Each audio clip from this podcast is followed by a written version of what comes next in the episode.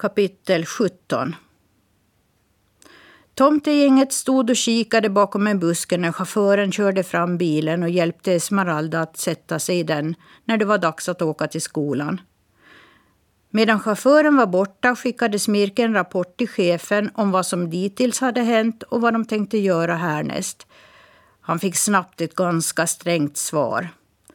Under inga omständigheter får en tomtenisse visa sig för en vuxen människa. Jaha, vad gör vi nu då? undrade Smirke efter att han berättat för de andra vad chefen tyckte. Vi får hitta på något annat sätt att kontakta systern, sa Serafina som var rätt nöjd med att Smirke inte skulle hamna i det där museet. Mannen i huset gick på promenad med hundarna och Skall följde efter på avstånd. När de kom tillbaka och mannen och kvinnan åkte till sina arbeten gick Skall fram till hundgården och började prata med sina nyvunna kamrater.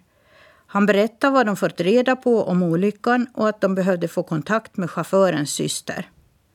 Det är inte så svårt, sa den ena hunden. När hon var här sist och provade sadeln på hästen så hade hon med sin hund och vi blev bekanta. Hon heter Lady och är en tax. Lady kan prata med sin matte. Inte med ord, men genom att visa vad hon vill. Ni behöver bara åka dit och prata med Lady så fixar hon resten.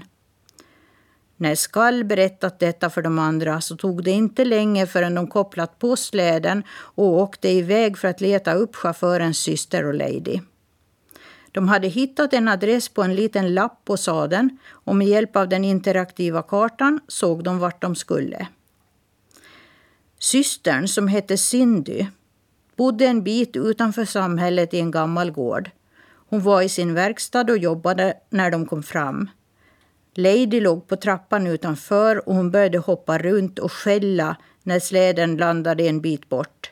Sen kom hon springande och började dansa runt dem.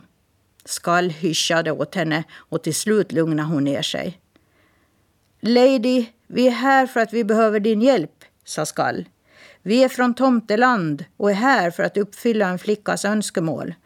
Vi undrar om du kan övertyga din matte om att tillverka en riktigt stadig stolsadel till flickan så hon kan sitta på hästryggen på karnevalen i Rio. Jag kan nog övertyga matte om det mesta, svarade Lady. Känner vi flickan det handlar om? Ja, det är Esmeralda som Mattes bror är chaufför åt, svarade Smirke. Ja, visst känner vi henne. Hon har faktiskt varit hit och hälsat på några gånger. Hon lekte med mig medan Matte pratade med sin bror. De pratade en stund till och förklarade noggrant hur det var tänkt. Därefter åkte tomtegänget tillbaka till det vita huset. Lady sprang tillbaka till verkstadstrappan och började fundera på hur hon skulle visa sin matte vad som behövde göras. När Cindy var klar med dagens arbetspass gick hon över till gårdens stall för att mata hästarna som stod där. Det var tre hästar, två fläckiga ljusa och en svart. Lady dansade kring fötterna på sin matte när hon gick från spilta till spilta och utfodrade, småpratade och klappade sina djur. Hon stannade lite längre vid den svarta hästen. Hon såg tankfullt på den och mumlade. Så fin du är, Kredit. Vi ska ut och rida du och jag om en stund. Jag är så glad att du är här hos oss nu. En vacker dag kommer du säkert att få bära din unga ryttarinna igen. Carlos säger att hon är så otålig. Han har skjutsat henne nu sedan hon kom hem från sjukhuset och varje dag pratar hon om dig. Men pappan och mamman vågar inte låta henne komma nära en häst igen. De låter henne inte göra någonting annat än att gå i skola och sitta på rummet och ha det tråkigt. De är så rädda om henne, sitt enda barn. Hästen gnäggade till svar som om han förstod. Cindy och Lady lämnade stallet och gick in i boningshuset. Lady hoppade omkring som vanligt så Cindy fick lov att säga till henne att lägga sig i sin korg.